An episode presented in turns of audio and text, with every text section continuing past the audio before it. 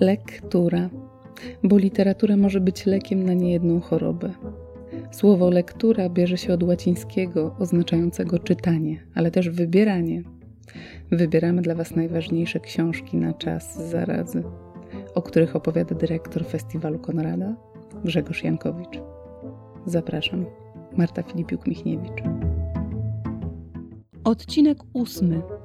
Wolałbym nie. O opowiadaniu Hermana Melvilla pod tytułem Kopista Bartleby. Historia z Wall Street. Podcast powszechny. Weź, słuchaj.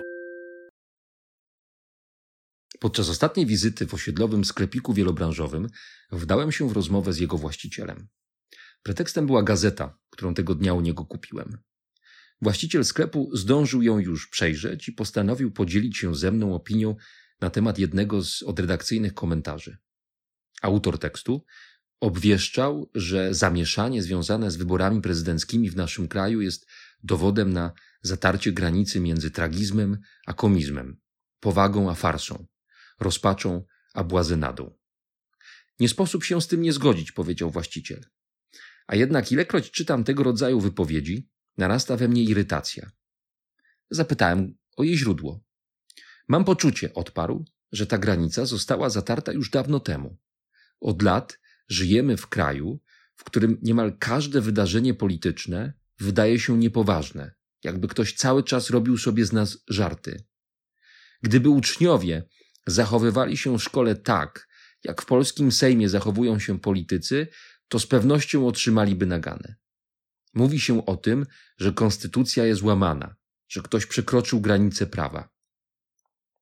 Mówi się, że to tragiczne i zarazem komiczne, przerażające i jednocześnie groteskowe. Ale nic się nie zmienia. Po wypowiedzeniu pewnych słów coś powinno ulec zmianie. Ile razy można powtarzać, że takie sytuacje są nie do przyjęcia? Gdy każdego dnia, ciągnął swoją wypowiedź sprzedawca, powtarzamy, że przekroczona została granica i mamy do czynienia ze skandalem, ale nic z tym nie robimy, słowa, którymi się posługujemy, zaczynają słabnąć. Nie tracą znaczenia, wciąż są adekwatne, bo to są skandale, bo to jest komedia połączona z tragedią. Ale moc tych słów jest coraz mniejsza. Jeśli wczoraj doszło do skandalu i dziś też doszło do skandalu, a na dodatek jutro również będziemy mieć skandal, skoro wszyscy zauważyli, że był skandal, jest skandal i wszyscy wiedzą, że najpewniej jutro też będzie skandal. Skoro wszyscy to publicznie lub prywatnie mówią, a nic się nie zmienia, to coś jest nie tak. I to nie tylko ze światem, nie tylko z ludźmi odpowiedzialnymi za ten skandal, ale także z naszym językiem, który z każdą chwilą staje się coraz bardziej przezroczysty. Po przeczytaniu gazety lub wysłuchaniu wiadomości telewizyjnych czy radiowych mam wrażenie, że słowa utraciły wagę, stały się lżejsze niż powietrze, są nieznośnie lekkie. To mnie martwi. Co możemy zrobić? Zapytałem. Zdaję sobie sprawę, zaczął znowu, że komentarze są potrzebne. Dziennikarze muszą pisać, muszą nazywać to, co się wokół nas dzieje. W końcu gazety wychodzą i będą wychodzić, a my będziemy je kupować i czytać ale czasem mam wrażenie, że byłoby lepiej, gdybyśmy na chwilę zamilkli. Niech pan sobie wyobrazi, powiedział, że nagle odcinamy polityków od społeczeństwa za pomocą milczenia, za pomocą ściany ciszy. Albo, mniej radykalnie, że wszyscy reagują na ich zachowanie w ten sam sposób, powtarzając tylko jedno zdanie albo jedno słowo. Oni swoje, a my na to pomidor. I tak w kółko. Ilekroć któryś z polityków próbuje zwrócić się do społeczeństwa, tylekroć słyszy pomidor, pomidor, pomidor. Może wtedy coś by się ruszyło. Może dzięki temu system by się zaciął. Być może niektóre słowa odzyskałyby dawną moc. Wyszedłem ze sklepu nieco oszołomiony, bo propozycja błyskotliwego sklepikarza przypomniała mi powstałe w 1853 roku opowiadanie amerykańskiego pisarza Hermana Melvilla o Bartlebym, kopiście z Wall Street, który podejmuje pracę w kancelarii adwokackiej. Zatrudniający go prawnik ma przeświadczenie, że znalazł pracownika idealnego, rzetelnego, spokojnego, bez sprzeciwu wykonującego jego polecenia. W kancelarii zatrudnieni są już dwaj inni kopiści, ale trudno nad nimi zapanować, gdyż są jak ogień i woda. Ilekroć jeden z nich się uspokaja, tylekroć drugi zaczyna szaleć. Pomysł adwokata jest prosty. Nowy, spokojny i rzetelny pracownik nie tylko pomoże firmie uporać się z coraz większą liczbą zleceń, interesy idą bardzo dobrze, ale też złagodzi obyczaje. Zadanie Bartelbiego polega na przepisywaniu dokumentów. Ich przygotowanie jest czasochłonne i wymaga wielkiej koncentracji. Jednak nowy pracownik radzi sobie świetnie. Jego pismo jest staranne, nie popełnia błędów, jest terminowy. Pewnego dnia Bartleby zostaje poproszony o wykonanie innego zadania. Ma z przełożonym sprawdzić poprawność niewielkiego dokumentu, skorygować ewentualne błędy. I wtedy dochodzi do tąpnięcia. Bohater odpowiada z największym spokojem, ale stanowczo wolałbym nie. I would prefer not to. Powtórzę, w jego zachowaniu nie ma ani krztyny agresji. Narrator, którym jest sam adwokat, podkreśla, że gdy zdziwiony odpowiedzią zaczął się Bartelbiemu przyglądać, nie dostrzegł na jego twarzy czy w układzie jego ciała żadnych śladów napięcia. Od tej chwili kopista na wszystkie kierowane do niego prośby, na wszystkie polecenia reaguje w ten sam sposób. Spokojnie, lecz stanowczo mówi: Wolałbym nie. Adwokat próbuje go złamać. Na różne sposoby przekonuje go do wykonania poleceń, ale bez powodzenia. Każda kolejna sytuacja zdaje się osłabiać Bartelbiego, a jednak bohater nie ulega namowom przełożonego. Wywołuje to paradoksalny skutek. Im bardziej wycofany jest kopista, tym większy niepokój po stronie otaczających go ludzi z zatrudniającym go adwokatem na czele. Postać kopisty jawi się innym jako krucha, a zarazem niewzruszona. Gdy właściciel kancelarii uświadamia sobie, że Bartleby już nigdy nie wykona żadnego polecenia, próbuje się go pozbyć. Ale to też okazuje się niemożliwe. Ostatecznie to on, pracodawca, musi zmienić miejsce. Porzuca dawną kancelarię i przenosi swą firmę gdzie indziej. Historia kończy się śmiercią głównego bohatera, umiera w więzieniu. Ale nie jest to chyba śmierć daremna. Melville wiele kwestii pozostawia naszym domysłom. Wydaje się jednak, że swą postawą Bartleby nadkruszył fundamenty, na których wspierała się wyzyskująca go instytucja. Pasywność kopisty doprowadziła do przynajmniej chwilowego zacięcia się systemu. Przyjmując radykalną postać, bierność bohatera stała się dla tego systemu niebezpieczna. Zwróćcie Państwo uwagę, temperamentni pracownicy kancelarii, którzy dzień w dzień wywoływali zamieszanie, którzy zachowywali się nieprzewidywalnie, którzy nie, wykonywa nie wykonywali swojej pracy należycie, których trzeba było poprawiać, ale którzy nigdy nie sprzeciwiali się woli swojego pracodawcy, nie stanowili zagrożenia dla instytucji. Owszem, przysparzali kłopotów, ale nie kwestionowali obowiązującej hierarchii. W pewnym sensie wspierali tę hierarchię, gdyż każdego dnia potwierdzali niepokojącą prawdę, zgodnie z którą system trwa tak długo, jak długo ludzie interesują się wyłącznie sobą i swoimi sprawami, zakładając, że i tak nic nigdy się nie zmieni. Spokój Bartelbiego okazał się zwodniczy. Swą odmową współdziałania rzucił wyzwanie całemu systemowi. Według narratora Problem z Bartlebym polega na tym, że nie stwarza on żadnych problemów.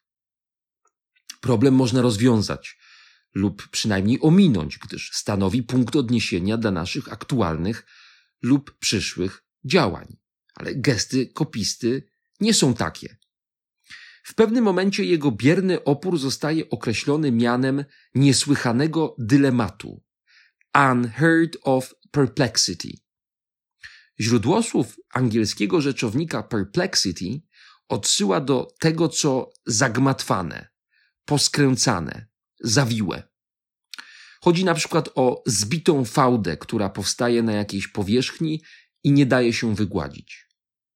Wyobraźmy sobie, że na podłodze naszego nowego mieszkania pojawia się nagle wybrzuszenie, bo dywan układa się inaczej niż sobie tego życzyliśmy. Próbujemy ten dywan wyprostować, ale nie udaje nam się to. Niby nic, przecież to tylko fałdka, a jednak od tej pory, za każdym razem, gdy zahaczymy stopą o tę nierówność, odczujemy frustrację. Być może z każdym dniem ta frustracja będzie coraz większa. Podobnie jest z bohaterem Melvilla. Taką fałdą, niesłychanym dylematem jest zarówno jego formuła, to powtarzane z uporem wolałby mnie, jak i on sam. Wszyscy, którzy się z nim stykają, próbują rozwikłać zagadkę jego zachowania, a raczej zmusić go do wyjawienia sekretu, który, jak zakładają, kryje się za jego postępowaniem. Bartleby musi mieć jakąś intencję, tak myślą inni. Być może jest tajnym agentem konkurencyjnej firmy, który próbuje pokrzyżować szyki adwokatowi. Wygląda jednak na to, że Bartleby nie skrywa żadnego sekretu. Nikogo sam z siebie nie zaczepia. Nie wyraża żadnych pragnień. Mówi tylko wyraźnie, czego wolałby nie robić. Jedyne, co o nim wiemy, to to, że wolałby nie. To inni go zaczepiają, to inni postrzegają go jako dziwaka, to innym jego zachowanie jawi się jako hermetyczne. Wreszcie to inni próbują się go pozbyć. Dlaczego? Co jest powodem tej głębokiej niechęci, która za swoje źródło ma już nawet nie strach, lecz lęk. Lęk przed Bartlebym. Mladen Dolar, słoweński filozof, jeden z gości festiwalu Konrada, w znakomitym szkicu Popęd Bartlebiego pisze, że kopista ma tylko jedną broń powtarzaną konsekwentnie formułę wolałby mnie. W noweli znajdujemy kilka innych fraz Bartlebiego, ale tylko ta jedna działa niczym e, dynamit. Tylko ona posiada tajemniczą moc, której wypowiedzenie uruchamia efekt domina. Wszystko zaczyna się przewracać, a procesu tego nie można zatrzymać. Dolar przywołuje słynną maksymę świętego Tomasza, w której filozof wyznaje lęk przed człowiekiem jednej książki. Po łacinie to brzmi tak: Timeo hominem unius libri. Zachowanie melwilowskiego bohatera dowodzi, że być może jeszcze bardziej powinniśmy się obawiać człowieka jednego zdania. Timeo hominem unius sententie. Maksymę świętego Tomasza można rozumieć na dwa sposoby. Pierwotnie chodziło o człowieka, który tak dokładnie przestudiował jedną księgę, że w sporze filozoficznym występuje z trudnymi do odparcia argumentami, sprowadzając wszystko do konkretnego, partykularnego zagadnienia, wyniesionego do rangi problemu uniwersalnego. Ale później znaczenie sentencji świętego Tomasza uległo zmianie. Zaczęła odsyłać do osoby o ograniczonych horyzontach intelektualnych, do człowieka jednostronnego, jednowymiarowego. Jak się to ma do opowiadania Melvilla i do postaci Bartlebiego? Na pierwszy rzut oka kopista sprawia wrażenie kogoś, kto nie potrafi porozumieć się z otoczeniem, kto popada w coraz większe otępienie życiowe, egzystencjalne i komunikacyjne. Łatwo uznać, że ktoś taki ma ograniczone horyzonty intelektualne. Jest tak jednowymiarowy, że po prostu nie może zaangażować się w komunikację z innymi. Nie potrafi tego robić. Myślę, że powinniśmy ostrożniej formułować sądy na temat Bartlebiego. W świecie opisanym przez Melvilla tylko kopista potrafi skutecznie stawiać opór. Pozostali, prędzej czy później, podporządkowują się woli przełożonego, który jest tu figurą władzy, kierującej polecenia w stronę obywateli, zawsze gotowych do poddaństwa.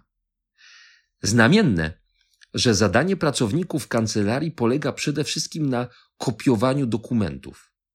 Mają powielać przygotowane przez szefa materiały, ewentualnie wraz z nim sprawdzać poprawność niektórych tekstów. Przypominają akuzmatyków. Greckie akuo oznaczało słuchać. I tym słowem, słowem akuzmatyk, określano ucznia Pitagorasa. Akuzmatycy to byli ci uczniowie Pitagorasa, którzy słuchali nauczyciela, ale z nim nigdy nie dyskutowali. Przedkładano im gotowe wyniki zadań matematycznych, ale zatajano przed nimi procedury, uniemożliwiając im w ten sposób rozwój, powstrzymując ich od samodzielnego myślenia, samodzielnego działania. Zadanie akuzmatyków polegało na głoszeniu chwały mistrza, co było potrzebne do umocnienia jego pozycji.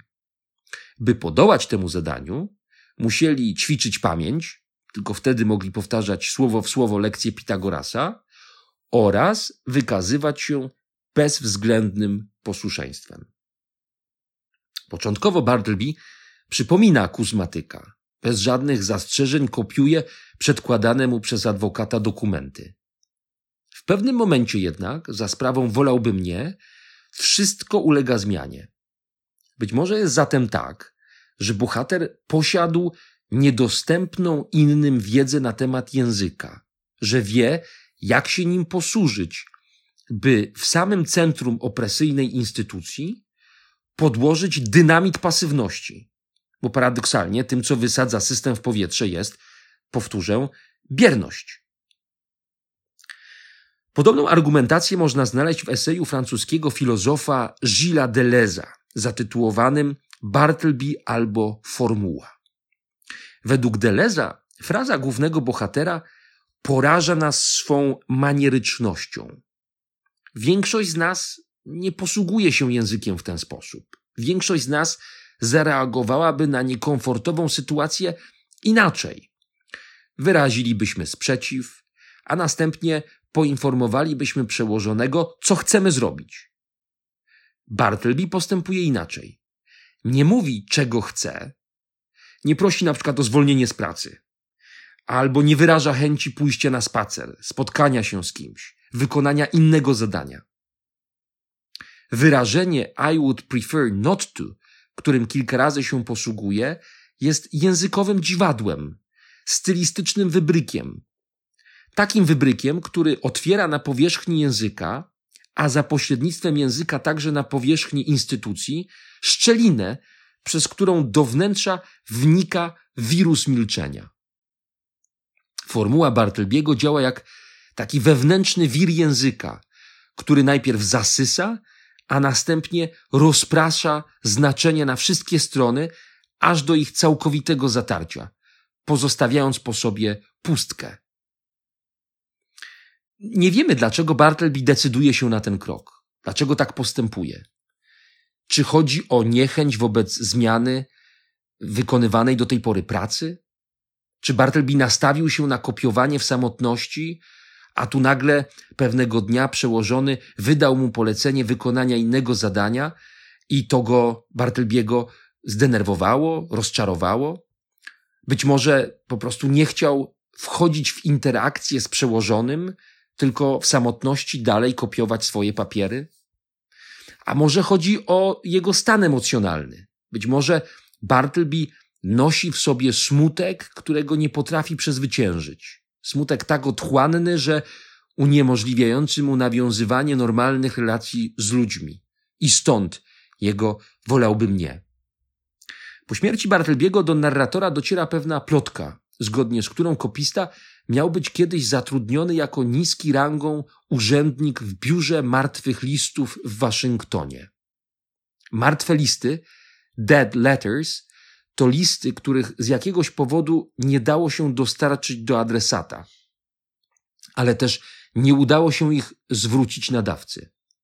Zalegały w pocztowych magazynach, przynajmniej przez pewien czas, ściśle określony czas, do chwili, w której powołany do tego pracownik, Bartleby, nie przeznaczył ich do spalenia. Narrator domyśla się, że to mogło wywołać w późniejszym kopiście potężne spustoszenie emocjonalne. Bo przecież takie niedoręczone listy to niemal jak martwe osoby, ludzie bez nadziei na spotkanie z innymi. Wracając do domu z zakupami, myślałem jednak o czymś innym. Inaczej interpretowałem opowiadanie Melvilla. Cały czas dźwięczał mi w głowie pomysł właściciela osiedlowego sklepu. Zastanawiałem się, co by się stało, gdybyśmy zagrali z władzą w pomidora. W jaki sposób wpłynęłoby to na naszą sytuację polityczną. I nagle zatrzymałem się jak wryty. Oczyma wyobraźni zobaczyłem wielki magazyn, przestronną, ale zacienioną halę wypełnioną stosami kopert, na których nadrukowane są nasze imiona i nazwiska. Trzydzieści milionów niedostarczonych listów z kwestionariuszami do głosowania. Ktoś je wydrukował, ktoś je posortował, ktoś włożył je do koperty, nadrukował nasze adresy. Pomyślcie Państwo, tyle starań, tyle zawiedzionych nadziei.